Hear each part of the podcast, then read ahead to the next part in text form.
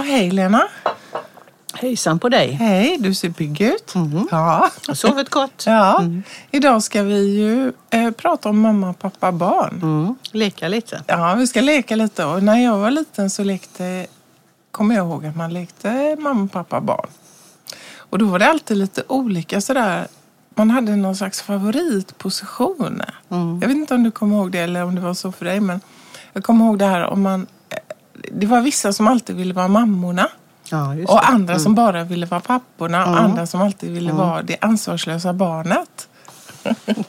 jag, jag kommer inte riktigt ihåg vad jag hamnade där men jag tror att jag, ja mamma var jag nog en del. Det kommer inte jag ihåg heller faktiskt. Men jag kommer ihåg att en alltid gick iväg. Hej då, nu går jag till banken eller vad det var. och det var pappa. Det var väl alltid pappa förstås. ja. Kan hända att jag var med pappa då. Det är möjligt. Annika Koster och Lena Lundqvist är socionomer och legitimerade psykoterapeuter. De är verksamma vid Göteborgs psykoterapiinstitut. De pratar på om psykoanalytiskt tänkande och psykoterapi. Apropå titeln mamma, pappa, barn så antyder ju det liksom vad vi kommer att ägna eh, dagens podd åt. Och det är ju att det här eh, att prata om hur det är att vara tre. Och att vi alla föds in i en situation på tre. Oavsett så finns det alltid en mamma, en pappa och ett barn. Någonstans, även i en större familj, kan vara sex barn, men alla barn föds in i en triangel på tre. Med- Och även när du blir till. Ett ägg, en spermie, som Ja. kan bli ett foster. Ja. Och det är där vi kommer uppehålla oss idag. Och eh, det väck, där, i det här att vara tre så finns det också väldigt mycket frågor. Hur klarar jag av, om vi ser den här, för jag tänker lyssnarna får ha den här triangeln framför sig. Mamma, pappa, barn. Och då kan man ju fundera så här, hur är det för mig i den här triangeln att stå ut med att de andra två har någonting ihop som inte jag är en del av? Hur klarar jag av det? Och man kan ju tänka att det är själva grunden också för hur jag klarar av det bestämmer också hur jag kommer att fungera i mitt liv. I grupper, på arbetsplatser. Klarar jag av att andra har någonting som jag inte är en del Och det är ju av? varje individ i den här treenigheten då, både mamman, pappan och barnet, Ja. som måste ha med sig det här. Ja. Och det här med triangeln, det börjar som sagt redan vid konceptionen, alltså Mm. redan när ett barn blir till. Och kanske redan innan dess, när ett förälskat par funderar på att skaffa barn. Det skriver ju Crafoord väldigt fint då, jag, i, Ja. eh, att när, när börjar mitt liv? När blir en människa till? Och det är i den stund paret tänker på att, eller pratar om att skaffa ett barn. Ja. För då öppnar man ett inre rum. Mm. Mentalt inre rum för att ta emot en ny varelse. Redan där kan man säga att den här triangeln börjar då. Här kommer jag att tänka på, vet du, ehm, vi hade ju något seminarium kring eh, kejsaren av Portugalien. Ja, just det. Som är ju en beskrivning, om vi tar den här triangeln då som bild. Så kejsaren av Portugalien som går omkring där uppe i sin by med, med stor kejsarhatt och eh, kejsarstav. Han får ju en liten flicka tidigt. Mhm. Eh, Bara kort, kort historia. Ja. Ja, men jag tycker den är väldigt målande och talande. Han får Klara-fina, Gullefina eller Klara-fina. Och han ville ju från början inte ha barn. Men så fick de, när han höll den här lilla flickan i armarna så överfölls han ju av den här enormt stora kärleken. Ja. Och sen växer ju hon upp. Och så småningom så vill ju hon i tonåren, som alla tonåringar, ha sin egen värld och sitt eget. Och det finns en scen där som jag kommer ihåg när hon går upp på ett berg och sträcker ut armarna och hela vida världen ligger framför henne. Och då är pappa i bakgrunden i skogen och lurpassar och tittar och fylls av en sån enorm smärta när han förstår Att hon ska ge sig iväg. Ja, ja. och i den här triangeln så var det ju mycket pappa och Gulla-fina, eller Klara-fina. Och mamma var en mer perifer figur. Och vi kommer att prata om det. Vad händer i de här trianglarna när det inte finns en rörelse och en flexibilitet i att inte mamma och pappa båda har, har liksom eh, plats i barnets liv. Men hon, hon åker ju så småningom till stan och blir prostituerad. Mm. Och han står inte ut med det. Så det är mycket separation också. Han står inte ut Han blir väl egentligen psykotisk Han då. Istället för att se sanningen så blir han galen. Ja. Mm. ja. Och nu är vi inne, apropå se sanningen, så Mm. är vi också inne på det här med trianglar. Och Freud skrev ju om Oidipusmyten och Oidipusdramat. Han Och utgick ifrån det. Ursäkta mig. Och det är väl en av hans begrepp, Oidipuskomplexet, som egentligen han menar är väldigt eh, viktigt för människans utveckling och för att vi får neuroser och mår dåligt och så. Att det handlar mycket om att vi inte har klarat av det här triangulära som du säger. Det är hans... Eh, men... Eh, Men hur tänker du då Lena? För Ja. Jag tänker, vi börjar ju ofta, vi pratar ju ofta om dyaden du och jag, Mm, mor och barn. Och sen kommer triangeln, eller hur? Vi föds in. Fast vi kan ju börja ännu tidigare egentligen. Men då är vi i och för sig på barnets perspe- perspektiv. Och det är det här med urscenen, det är också Freuds begrepp. Och även många senare. Att alla människor har, det pratade vi lite om i ungdomstiden, en prototyp av det förenade föräldraparet. En urscen. Först kanske, hur finns det omedvetet förstås i oss. Hur blev jag till? Hur var det när jag gjordes? Och då är ju det frågan om hur jag har det har ju ingenting att göra med hur det egentligen gick till utan det är hur jag tror att det gick till. Var det liksom en, en kärleksfull handling? Var det gjort i våld? Eller hur, hur gick det till när jag blev till? kommer ju att påverka mig väldigt, mycket när jag, när jag tänker på det här förenade föräldraparet som jag sen själv då ska gå ut och, och bygga upp tillsammans med någon. Och, det, och ursynen innehåller ju tre från början. Ja. Först ett foster och sen en, en, eh, ett utanförskap då när jag upptäcker att mamma och pappa har något för sig själva. Men det är lite senare, det är en smärtsam Men kan man tänka så här att hur jag kommer att hantera tre som barn Mm. är också beroende på det jag har haft på två. Ja, Att det är grunden. Om jag har haft den här liksom, eh, fått mina behov tillgodosedda och av en person. ja, det är viktigt att säga att i en nära relation behöver ju varje barn eh, faktiskt. För att ha två. För att sen kunna vara tre. Mm. Eller ha två. För, Men sen har ju alla barn två objekt. Det kommer vi ju inte ifrån. I den meningen att man har blivit till genom två objekt. Men kan man tänka då att det här att, att förmågan att stå utanför, att tolerera inuti, att jag är inte alltid med i allting. Att det är liksom grunden för att se eh, realiteten. Just det. Eller hur? Att de två har någonting ihop. Ja. Och de hade faktiskt någonting ihop innan jag blev till. Det är ju också en skillnad i tid. Jag har inte alltid funnits med. För det kan man ju möta små barn ibland som tror att de alltid har funnits. Och säger man då du fanns inte då, du var inte född då, så kan barnet bli jätteargt Ja, och förtvivlat. och så får man ett förvånat uttryck tillbaka. Oidipuskomplex är e ett begrepp inom Sigmund Freuds psykoanalys som avser teorin att varje barn genomgår en utvecklingsfas där föräldern av samma kön uppfattas som en antagonist, en konkurrent om den odelade kärleken från föräldern av motsatt kön. Termen har särskilt använts om en sons fixering vid modern. Ifrån Wikipedia. Oidipuskomplexet hämtade ju Freud ur Oidipusmyten som vi kanske ska prata lite om. Ja, precis. Och, och vad, vad, vi kan väl berätta om den bara lite lätt så här. Va?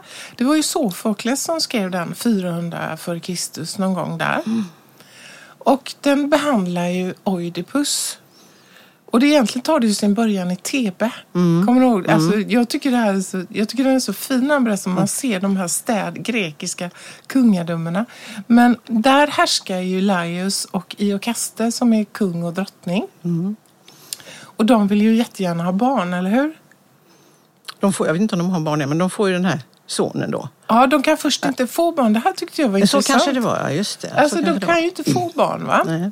Så då går, då går Laius till oraklet i Delphi. Mm. Och oraklet i Delphi, vad är det?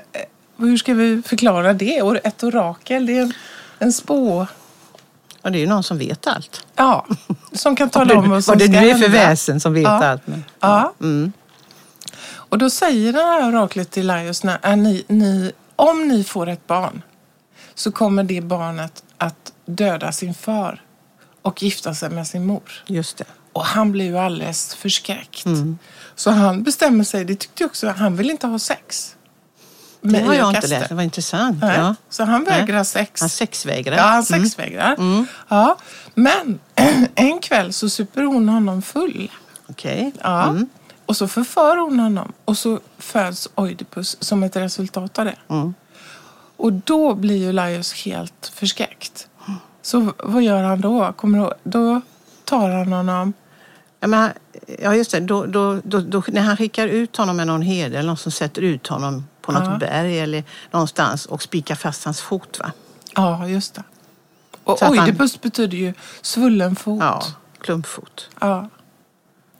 Och då är det ju en herde som hittar honom så Mm. småningom. Det var ju meningen att han skulle dö där. Ja.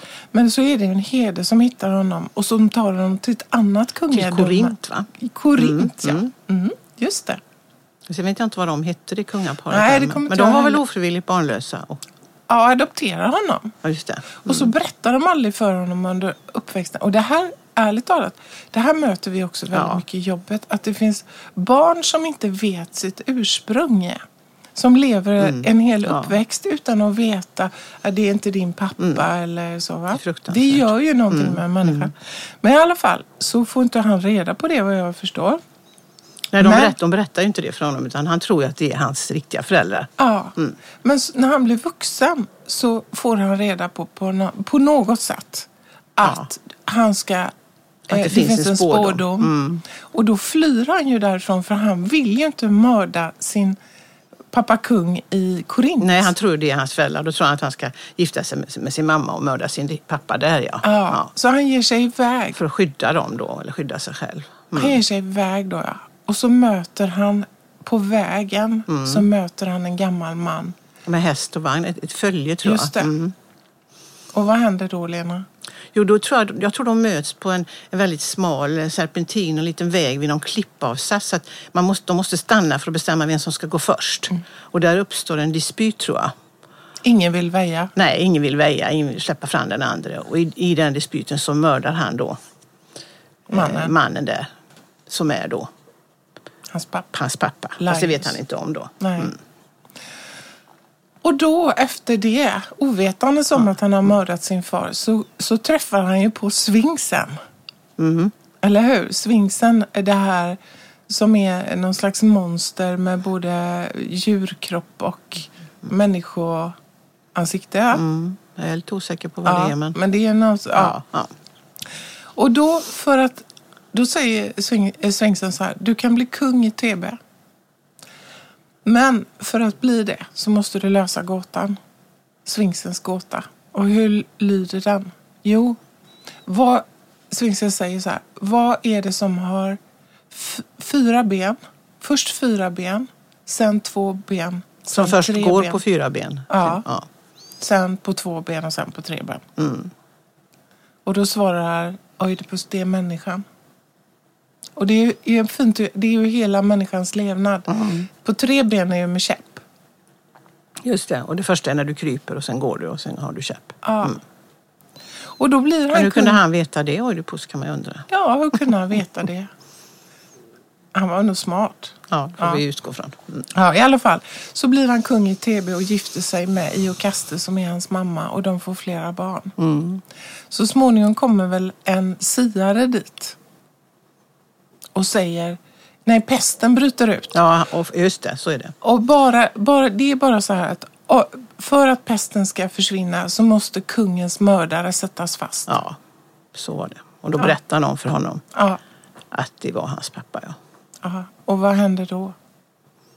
Vad händer? ja när då, då händer väl det att han, han sticker ut sina ögon när han Mm. inser eh, hur det är och hon hänger sig, mamman, i Jocasta. Dramatiskt, blodigt. Vad ska vi säga om denna modiska, incestuösa Mm. myt som Freud har som grund? Och vad tänkte Sofokles när han skrev den? Ja, Det pratas ju en del om det här med högmod. Att man ska ta sitt öde för vad det är och inte utmana det. Att det är en bild av det. Ja. Att han försöker förä- Han har fått höra att hans öde är att han ska döda sin pappa, men att han liksom då flyr från, för han Ja. tror ju det är de föräldrarna. Och att det är högmodet som han bestraffas för. Men det är ju Ja. ett sätt att Ja. tänka om det. Men det finns ju väldigt mycket sexualitet Mm. i den här my- myten och historien. Mm. Och vad ska vi tänka om det kring eh, det här med sexualitet som finns i oss från det vi Mm. redan från vi föds? Som också lever i Ja, triangeln. Ja, och då är ju naturligtvis Freud en fantastisk eh, förskrivare om detta eftersom han tillskrev barnet sexualitet. Och då menade han ju inte liksom en, en sexuell handling utan med att med erogena zoner och mycket sensibilitet så finns ju din sexualitet redan hos barnet. Men sen så med Oidipuskonflikten då är han ju oerhört upptagen av mor-son-förhållandet. Och det, där, därför känns han, däremot kvinnans position känns det inte som att han riktigt förstår. Och det sa han ju själv i slutet av sitt liv att was will das Weib? Han visste inte så mycket om kvinnan. Så han skriver väldigt mycket om pojkens utveckling. En, en teoretiker som jag tycker är väldigt intressant, som vi kan istället för Freud i det här sammanhanget, det är ju Joyce McDowell som är en fransk analytiker som har skrivit om kärlekens många ansikten. Eh, att eh, hon menar ju att sexualiteten från början för alla människor är traumatisk. I den meningen att du måste hitta lösningar. Och att eh, eh, det, som är, det, det som är den stora kränkningen för människan det är att acceptera sin monosexualitet. Att man inte kan ha både och. För där tror jag också avunden kommer in och det är oavsett kön. Att man vill vara både och. Man vill vara både man och kvinna faktiskt. Om man vill äga både man och kvinna. Så det finns också den här triangeln, att vara både mamma och pappa som barn och äga både mamma och pappa. Men det är ju det som är den här triangulära oidipalkomplexet, att man måste lösa det och inse att det går inte. Det finns begränsningar för att utvecklas vidare. Och någonstans kan man ju tänka att det man kallar för någon slags lösning av oidipalkonflikten, alltså vara tre. Mm. Att stå ut med att vara utanför, att stå ut med att vara i den här triangeln och ändå ha eh, en, en... För man tänker, alla trianglar har ju liksom en, en rymd mitt i. Och i vilken grad kan de här tre begagna sig av den rymden? Mm. Det vill säga mamma, pappa, barn eller mamma, mamma, barn eller pappa, pappa, barn. Det kan ju vara många olika. Men i vilken grad kan, om man- om man tänker, utgår från barnet, jag som barn har tillgång till att lita till att de här två tar hand om varandra bakom den där stängda dörren. Mm. Ja, det ökar på min rymd. Mm. Att gå ut och leka med kompisar utan att bry sig så mycket om vad som händer med dem och så vidare. Så att det är ju liksom... Men det, är för, men det första jag måste acceptera, som kanske är det svåra då, det är ju när jag lämnar det här täta med, en, med ett objekt, med mamman ofta då, så, så eh, måste jag ju stå ut med att de har någonting för sig själva. Det, det väcker också en väldig avund och ett väldigt, att jag, det faktiskt allting inte kretsar kring mig. Det är väl den första svåra förlusten och sorgen och det vi pratar om ångest som vi har. Eh, fast vi inte kommer ihåg det. Det är liksom kroppen minns det men det omedvetna minns att, att det accepterar det. Och det gör jag ju lättare som du säger om jag tror att de, de har någonting bra för sig där inne. För att de, Ja. om de har någonting bra med varandra, något Ja. kreativt, något skapande. Då kan jag ta med mig den bilden in i mig och också skapa någonting bra. Men om jag är osäker på det, eh, om jag bara upplever det som våld till exempel. Att det, det förekommer att en som så att säga, våldför sig på den andra, om jag upplever paret så. Mm. Så har jag ju en, en komplexare, ett komplexare förenat föräldrapar att hantera. Så, att, så vad du menar och det vi pratar om nu är ju då egentligen att, att, att, att förståelsen av, av att jag är utanför och acceptansen av det och förlusten av att inte vara i centrum av allting. Och inte alltid ha funnits med långt, lika länge som mamma och pappa. Allt det där. Det möjliggör för mig, det är en sorg och det är en, en, en mer liksom en, en förlust. Men det möjliggör för mig att kunna se skillnader mellan Ja. generationer, Mm. kunna acceptera gränser, att jag inte kan vara med överallt. Nej. Och att det är en väldigt viktig utvecklingsdel i Mm. människors liv. För här är det ju också alla de här skillnaderna mellan föräldrar och barn. Du är liten, jag är liten, de är stora. Mm. Det är också en väldigt viktig markör att förstå. Mm, de bestämmer, jag måste Ja. underordna mig. Ja, och det, det, vi hade någon föreläsare som sa det för ett tag sedan som jag tyckte var så fint. Den dagen jag förstod att jag var liten och de var stora. Mm. Alltså Ja, att det är en viktig Ja, markör ja, av att jag har förstått någonting. Men när jag inser det så öppnar sig också möjligheter.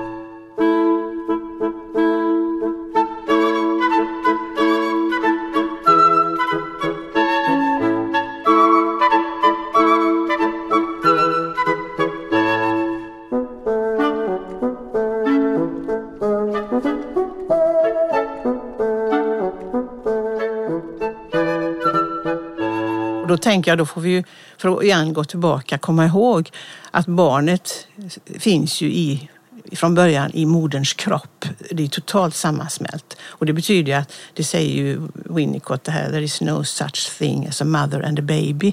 Det finns inte två enheter, utan det är bara ett. Va?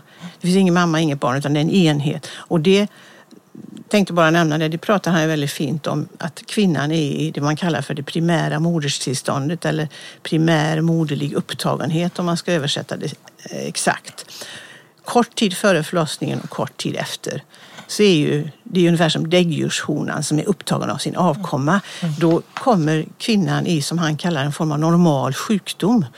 För om det inte hade varit så att hon hade varit gravid så hade hon kanske uppfattats nästan som lite sjuk, psykiskt sjuk.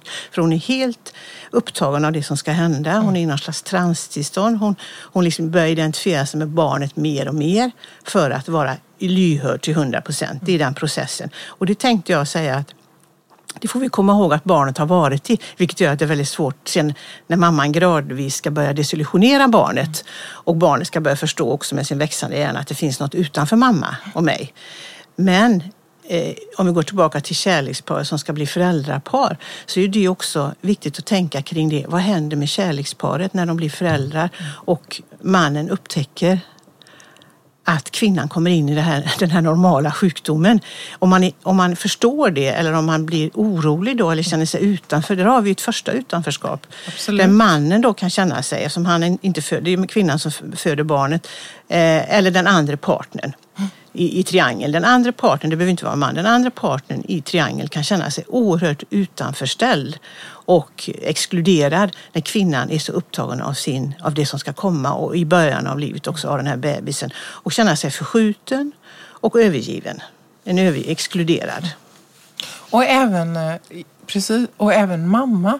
Jag tänker det här när ett par bestämmer sig för att bli föräldrar och när den tredje kommer, så att säga, barnet, så är det ju också en, en förlust. Under hela liksom, graviditet och så, så är det ju också en period av förlust. Jag tänkte, vi har pratat någon gång, du vet det här om baby shower.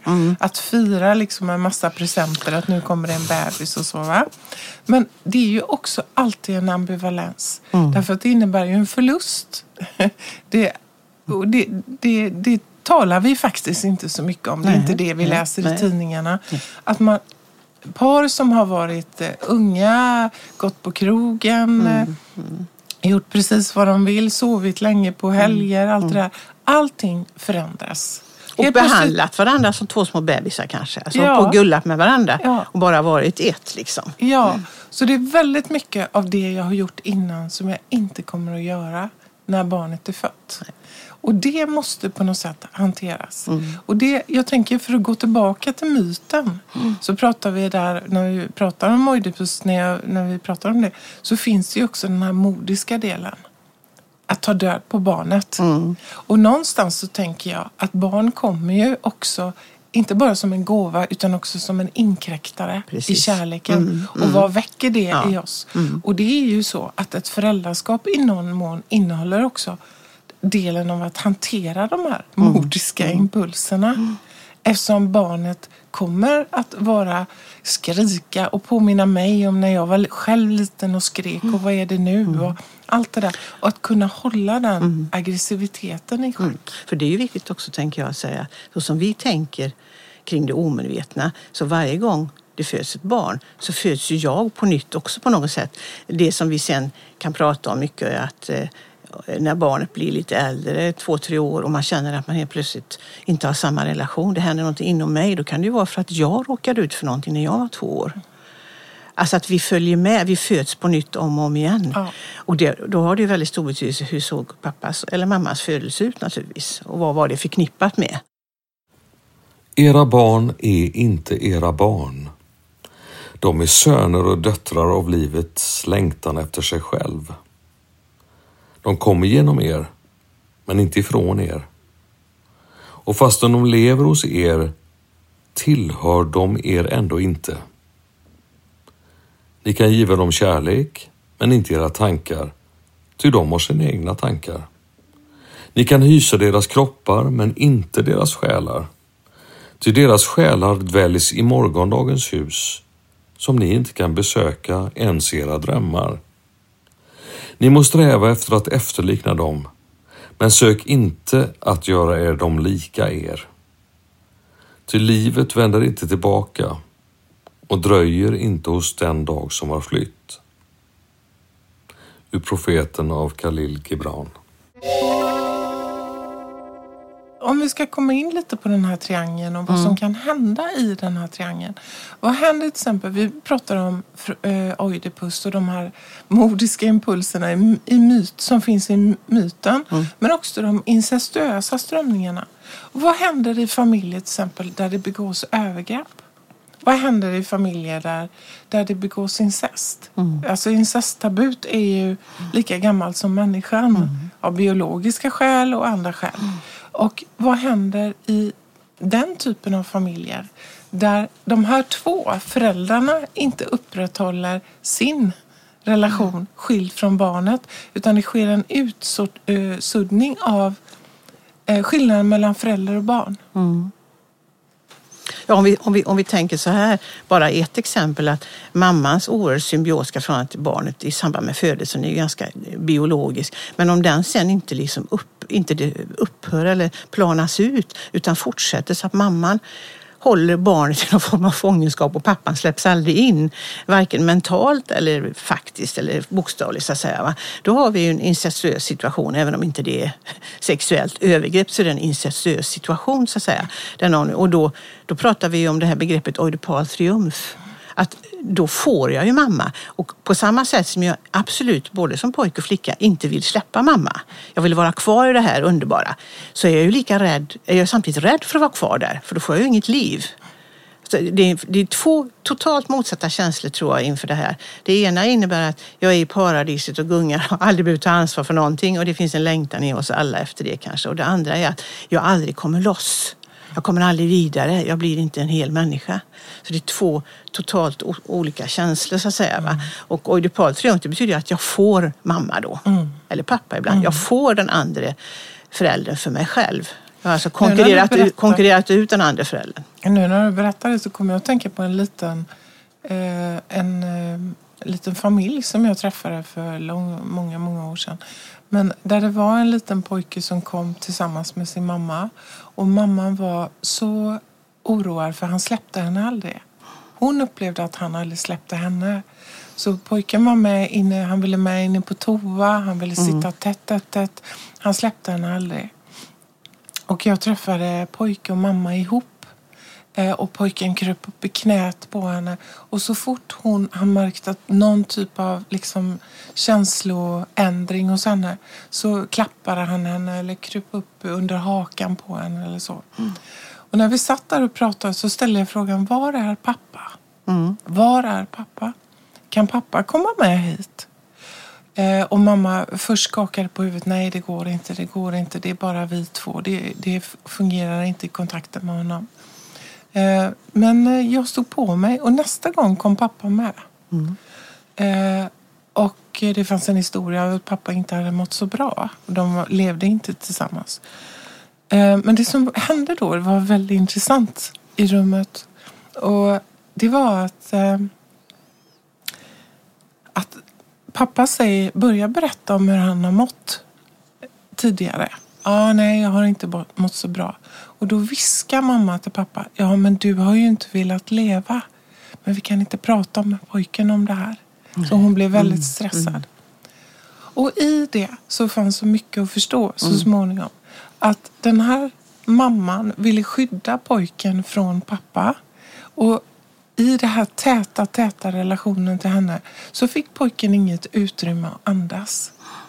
Så det som var att han klängde sig vid henne, det var också att hon klängde sig vid honom, vid barnet.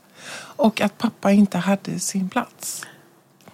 Och jag kommer ihåg att jag sa någonting om att jag tror att din, eran pojke vet precis hur saker och ting ligger till redan. Han satt bredvid och ritade. Och man kan ju märka med barn när någonting sägs i ett rum.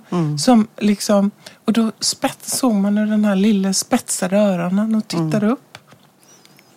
Ja, och på något sätt så var, var liksom min tanke då att öppna upp, att börja prata, att de var två i rummet, både mamma och pappa, att det går att prata om saker i pojken, när pojken är med, för han vet redan.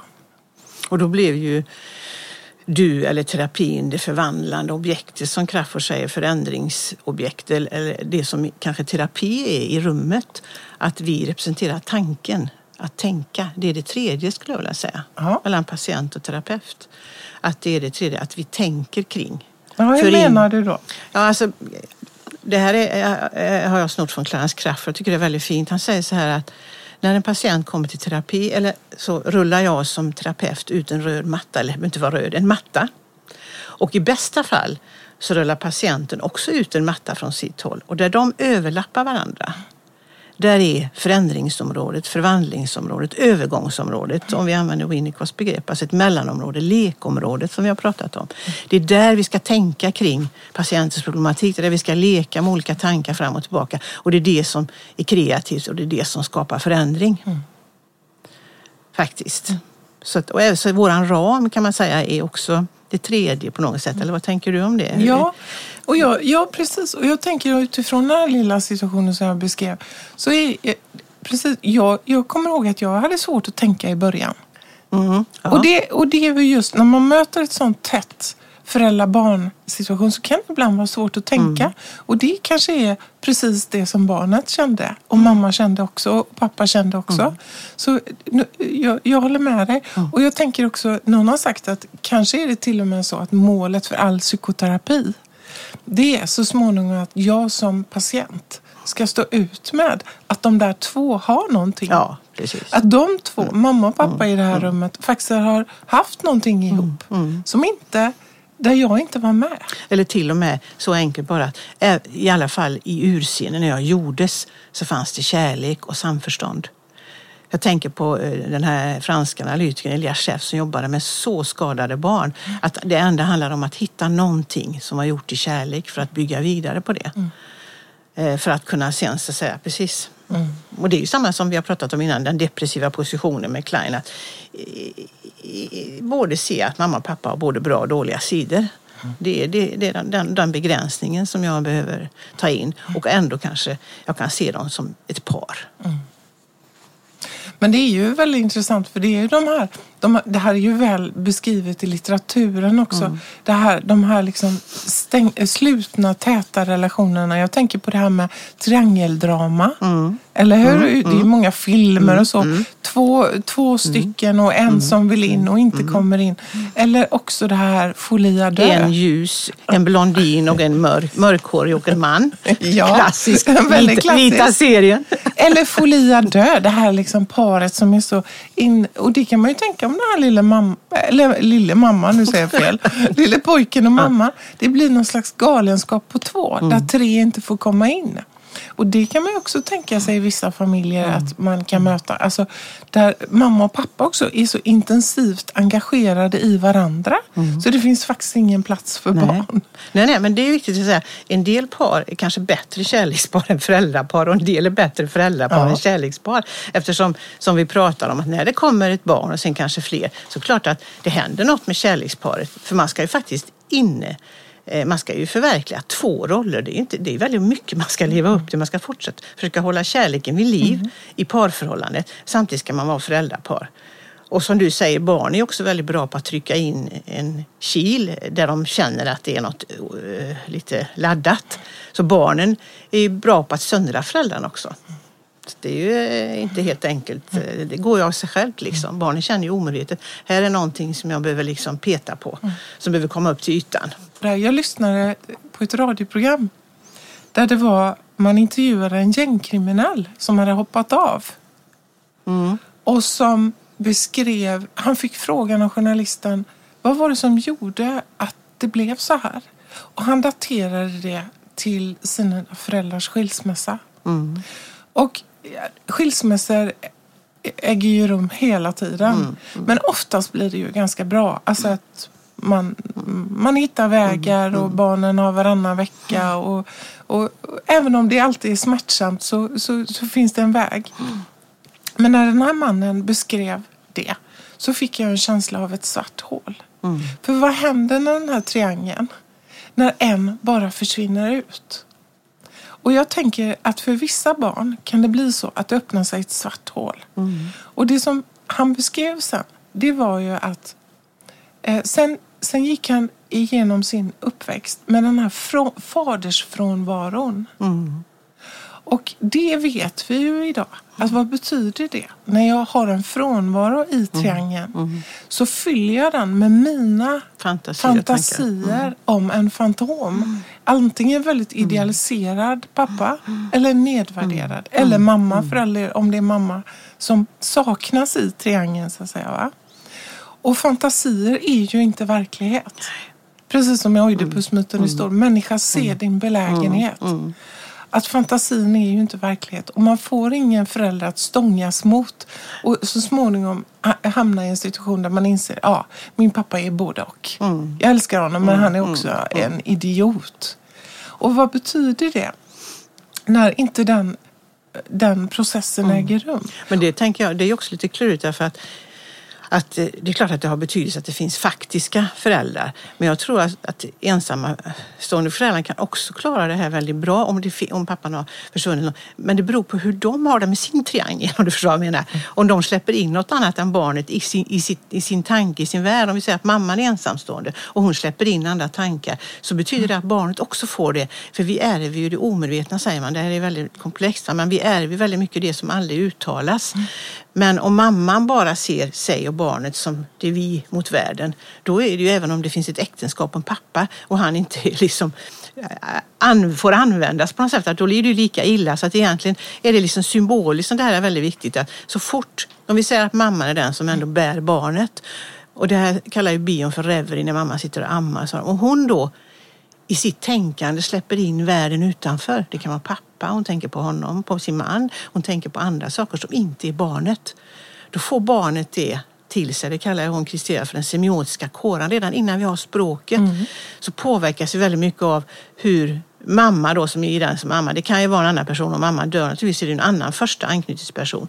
Men vi säger mamma därför att barnet kommer i mammas kropp faktiskt så är det ju så att eh, då, då, då finns det tredje med. Då finns den triangulära situationen med. Liksom. Ja, Sen är det precis. naturligtvis väldigt viktigt hur man Men är om som det förälder inte också. finns det, Nej, nej. och det är egentligen Nej. det jag pratar om. Precis, Om, inte det finns, det, om mamma inte är befolkad nej. inuti, Precis, om inte hon är befolkad ja, inuti. utan det, det bara uppstår ett hål eller en stor Mm. frånvaro, då måste barnet fylla ut den Ja, och det triangeln. gör alla barn Ja. eftersom de har den här förföreställningen Ja. om triangeln tror jag. Ja. Som har förmodligen med ursinnen att göra ägget, spermien och fostret. Att det, det finns i den Ja. arkaiska, vad man ska kalla det för, Ja. i, i vårt Och vad händer då, tänker jag? För jag vill bara återkomma till honom. Mm. Att Han beskrev ju då att, för det, det här är en annan triangel som jag Mm. har funderat en del på.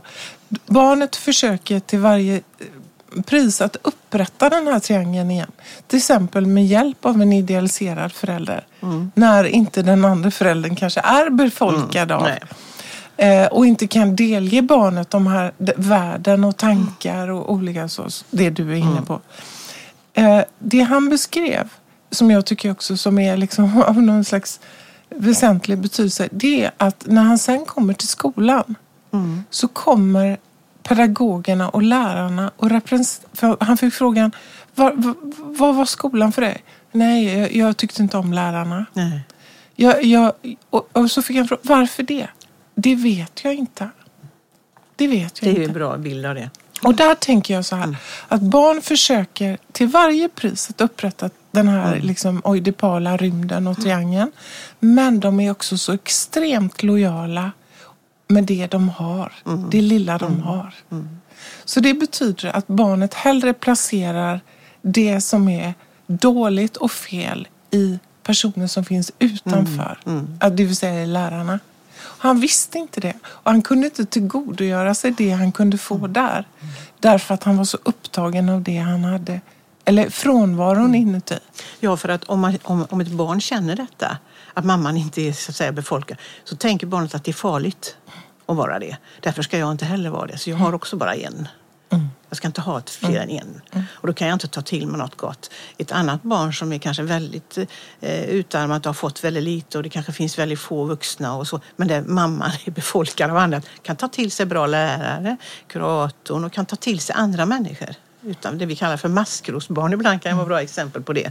Som faktiskt kan hitta en liten stund med någon lärare eller något och bygga mycket av sin, visserligen skört, men som kan bygga upp mycket av det. En mor kom till mig. Säg, vad är det som fattas i min kärlek? Mina barn älskar mig ej som jag dem. Jag sa, likgiltighet. Lite svalkande likgiltighet fattas i din kärlek. Då gick hon bort, sen mot jorden. Dikt av H. Parland. Och hur ska vi tänka till exempel om hemmasittare, apropå en triangel? Vad, vad kan det, triangeln ge i relation till det?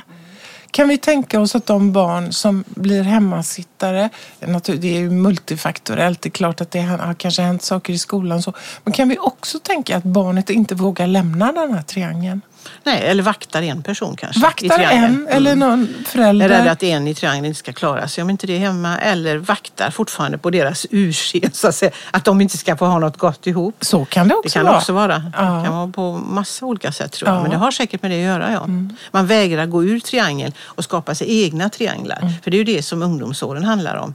Att man måste försöka få ordning på det här som du säger. att- Så att man själv kan gå ut och skapa sina trianglar. Mm. Det vill säga med vänner och kärleksobjekt och sådär. Att man går vidare. Och då måste man ju ha någorlunda känsla av, och det är väl så att de flesta barn vill väl att föräldrarna klara, kan klara sig själva. Och kan vi tänka oss det, att, eller det, det vet vi ju att barn, små barn, apropå den här omnipotensen, att jag, jag påverkar alltet. Så kan man ju tänka att barn tidigt, tidigt, tidigt känner ett enormt ansvar för föräldrars sinnestillstånd. Både när de är glada och när de är ledsna, om de är deprimerade eller nedstämda. Barn tänker alltid att de har ett ansvar att ta hand om. Och jag tänker att många hemmasittare finns här. Mm. Och detta är ju märkligt att om man stannar lite, varför är det så? Vi vet ju att det är så på något sätt, eller vi tänker verkligen att det är så. Att barnet tar alltid, har alltid koll på sina föräldrar. Och det är väl för att de är kanske så beroende. Om vi ska Ja. tänka att de har också en egoistisk orsak att göra det. För att jag ska överleva som, är, som människobarn är jag beroende så oerhört länge. För att jag ska överleva så måste jag se till ha koll på dem. Och därför blir jag så inkännande i alla nyanser. Hur mår mamma, hur mår pappa, hur är det med dem? Eh, Ska de skiljas, ska de inte skiljas? Eller, och så vidare. Det är för att annars kan jag riskera eh, och, och helt enkelt förintas. Så att det börjar ju redan när, när barnet är väldigt lite, tänker jag. Att man förhåller sig till de här två. Ja, och, och, och på något sätt apropå desillusionering så handlar ju föräldrars uppgift också om att se det att ja, mitt barn bär ett ansvar för mig. Och det är mitt ansvar att, att tala om det här ordnar sig ändå. Du behöver inte ta ansvar för det här. Du nej, behöver nej. inte blanda dig i det här. Du kan hålla dig utanför det här. Att hela tiden hjälpa barnet att upprätta den här gränsen. Okej, jag kan släppa de två. Det är ingen fara. Och det där är ju inte lätt. Och det, det möter ju vi ofta. Det är inte lätt. Och även uppe i vuxen ålder kan ju många människor kämpa med det här. Och det är ju därför som man tänker att vid skilsmässa eller vid andra kriser att det är väldigt viktigt att den föräldern söker hjälp på annat håll. Där kommer ju vi in med terapi, att man söker hjälp utanför. Mm. Så att inte barnen blir indragna i allt det här för mycket. Så det blir de ju ändå. Men att man i alla fall använder ett annat objekt utanför, en kurator eller en terapeut, för sin stora sorg eller sin förtvivlan. Eller vad det är. För att det är klart att det är svårt, det kan man liksom inte dölja eller ta bort. Utan det, det, det finns ju där så att säga. Men eh, ja, det där är en... Eh, Men det, är också, det här är ju också då en process i föräldraparet. Mm. Eller hur? Att står jag ut med att mitt barn har en värld som jag inte är en del av. Och det här kommer ju skolan in till exempel. Och vi ser ju idag en väldigt stark föräldrainvolvering. Framförallt inom medelklass. Där jag eh, vill påverka. eh, Det ska vara specialkost. Men, men vad är det som har hänt? Varför har det blivit så mycket mer? Då? Är det för att varför har man inte kvar, varför har man inte respekt för skolan längre då? Eller litar man inte på alltså, Varför har det blivit så? Har det blivit mer så? Alltså, Ja, men jag tror att det handlar om delvis att, att det har funnits en marknadstanke kring skolan. Mm. Att barnen är kunder. Ja. Och Föräldrarna, föräldrarna också kunder. Vi väljer. Ja, man- Mm. det är också en väldigt svår position att som förälder att välja rätt. Mm. Och jag har, jag har t- tänkt på det, jag hörde någonstans just det här. Idag ligger liksom ansvaret för integration, att blanda barn. Det ligger hos föräldrarna. Mm. Precis. För hur integrationen ska se ut i vårt samhälle.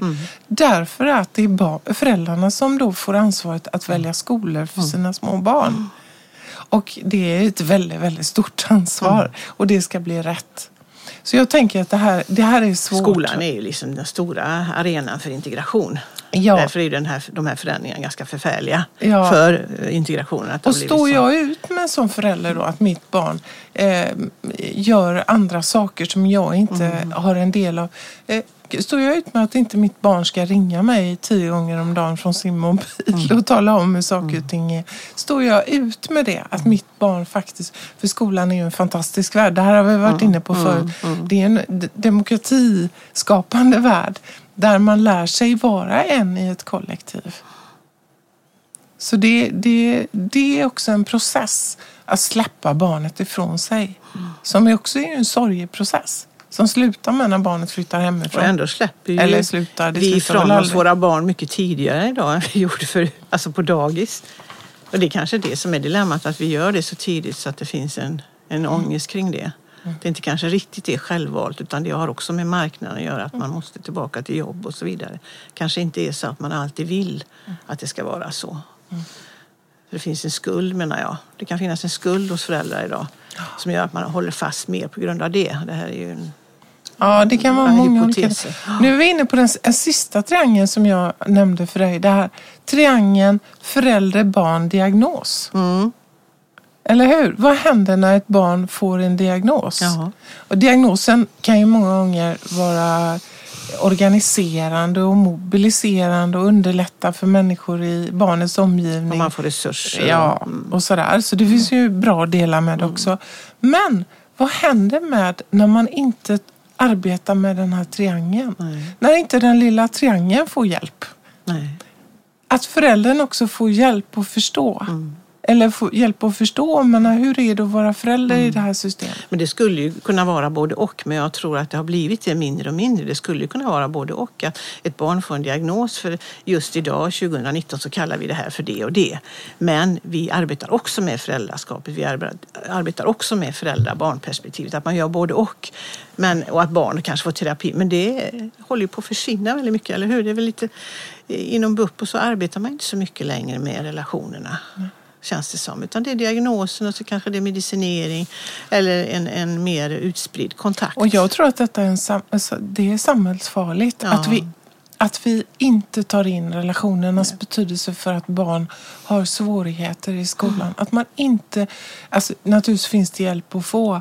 Men det är inte alltid man tänker så här. Utan man, det finns en fokusering på barns beteende. Mm. Och hur blir det för barnet? Att det är jag som är den felande länken i den här triangeln. Det är bara med, det är jag som är fel. Precis, det är, mig, det är mitt fel allting. Ja. För att tar man ut, diagnosen gör att man plockar ut barnet ur triangeln kan man säga. Ja, Och så, så sätter man en stämpel på det. Och då hamnar det bland alla andra som heter likadant. Och då är det dem vi pratar om. De ska vi behandla så här och de har det problemet. Då, då blir jag också väldigt anonym på något konstigt sätt. I och med att jag tillhör en grupp också. Ja, om man tänker då att barns beteende är fullt logiskt. Mm. Utifrån en inre situation. För barn som uppvisar liksom, eh, svårigheter i skolan och agerar ut och så talar ju om Hallå, jag har ont i mina relationer. Mm. Kan någon hjälpa mig med det här? Precis. Kan någon Mm. hjälpa mig att förstå vad det är som pågår? Och någonstans får jag då en diagnos. Och det är det som är förklaringen till mitt beteende. Och jag ska bara hanteras i det. Så hur blir det för mig? Mm. Och då är det ju viktigt att säga att det är det du säger också att skolan och det är ju det som är, därför behövs det mycket resurser i skolan och många som tänker kring det där. De får ju väldigt dålig hjälp med det också. Att det är den arena som de flesta barn spelar ut på. De går upp på scen där och talar om hur de mår på massa olika sätt. För de vet, omedvetet naturligtvis, att här finns det många som ser. Och för där, därför kommer det här jag pratar om med eftergymnasial depression, ett eget påhittat ord. Att efter gymnasiet, när skoltiden är slut, då är det ju ingen som ser längre. Jag har ingenstans att gå och visa någonting. Då kan ju en del må väldigt dåligt för då ramlar de ihop. För det är ändå någonting med skolan, att det finns ett hopp i det menar jag. Jag visar mig, titta jag beter mig så här så här. Ser ni inte som du säger att jag mår dåligt, att jag behöver hjälp? Eller kom hem och titta hur jag har det hemma. Säger man ju också. Ja, titta här, kan ni Ja, inte komma hem och säger- titta? ja. Och hjälpa. Och och ofta är det ju så, Hjälpa precis som när barn kommer till terapi, föräldrar kommer och vi är bekymrade, att det är föräldern som kan behöva lite hjälp. Så barnen säger ju i skolan helt riktigt, ja hallå, kan inte komma hem och hjälpa min mamma och pappa? Ja, precis. Mm. Och så sker inte det. Och det, det tycker jag är så sorgligt att inte mamma och pappa kan få hjälp. Vi vet ju idag också att många föräldrar och familjer som lever under väldigt socioekonomiskt svåra förhållanden har, att där finns en högre grad av diagnoser. Så, och, och det är ju självklart. När, när föräldrar är stressade, apropå den här triangeln, det finns ekonomiska problem, arbetslöshet, man lever i ett, ett tufft område. Så, så blir triangeln, trycket på den här lilla triangeln blir ju mycket hårdare. Och det är svårt. Och där behöver vi sätta in Och mycket, det är ju mycket mera grupper då stöd. som absolut inte har råd att söka hjälp som kostar pengar. Jag tänker på de som kommer till oss. Så är det ju ofta så att det är föräldrar som ringer eh, om barn som mår dåligt. Så brukar man säga då att ni kan väl komma själv först som föräldrar så vi får höra vad det handlar om. Det är inte säkert att lille Kalle eller Lisa vill gå i terapi och så vidare. Och då är ju det också, om en i triangeln, vi säger mamma eller pappan, eller båda föräldrarna går i föräldrarådgivning så bygger det också upp triangeln för då avlastas barnet med föräldrarnas problem som du säger. Då, ja, då är barnen ofta jätteglada för att föräldrarna går i terapi. För, eller att de går och pratar om någonting. Va? Så blir det en avlastning. Så fort någon söker hjälp i triangeln skulle jag vilja säga så kommer det in ny luft Ja. i den här audipala rymden. Då, då är Ja. det möjligt för reparation. Och det är väl också så vi tänker, jag vet inte hur du tänker, att många gånger när det sitter, vi har jobbat mycket med unga människor, så tänker man, här skulle ju mamma suttit istället, eller pappa. Mm. Men de har haft för stora problem för att kunna söka hjälp. För du Mm. måste ändå våga ta det, det steget. Så sitter barnet där istället. Mm. Så barnet kanske är den som är ibland den friskaste faktorn i en sjuk familj till exempel. Jag säger ingenting om krig och fred Heller inget om att tiden jag säger inget om en sårad jord. Men hjärtat slår i varje ord. När jag säger dig Min värld är fattig och min dag är död. När barnasinnet har berövats på sin glöd. Då har ondskan nått sitt mål till slut. Då har all kärlek sinat ut. Var kommer barnen in? De bär på elden Som du en gång, som jag en gång. Men allt för länge sen Allt går igen. Jag ser mot